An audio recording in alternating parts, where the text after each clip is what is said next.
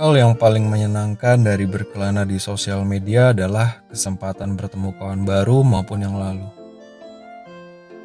Dengan pengalaman dan ilmunya masing-masing. Melihat tawa dan ceria mereka dengan yang sedang mereka lewati. Suara, foto, dan video-video lucu, traveling, hewan-hewan peliharaan. Saling merespon dengan komentar dan like pada postingan Menggoda bercanda walau nggak jarang malah bikin kesel. Tapi namanya juga bercanda. Waktu berubah. Sebagian harus mengikuti zaman. Berlaku juga pada kebiasaan.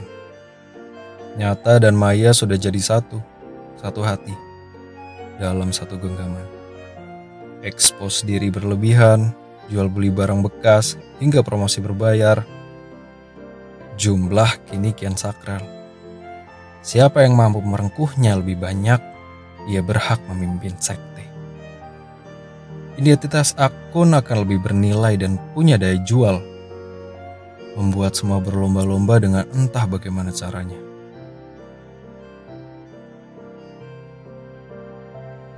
Karena nyata dan maya sudah jadi satu, dengan mudah karakter orang bisa kita tebak. Bukan karena pintar, tapi karena gamblang. Isi perasaan tertumpah di mana-mana. Mood yang buruk, euforia bahagia, macet ibu kota, pemimpin pilihannya, hingga apa pekerjaan pacarnya bisa kita tahu.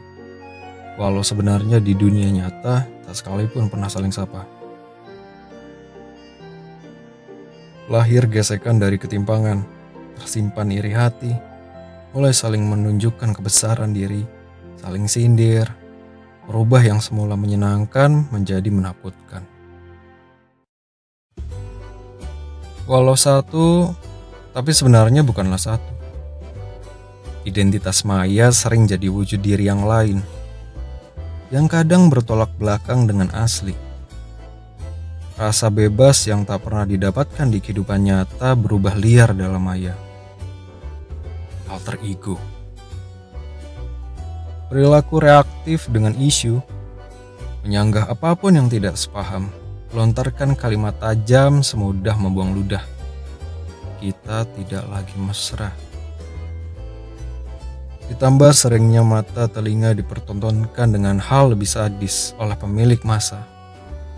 Seolah semua tadi itu diamini dan jadi legal.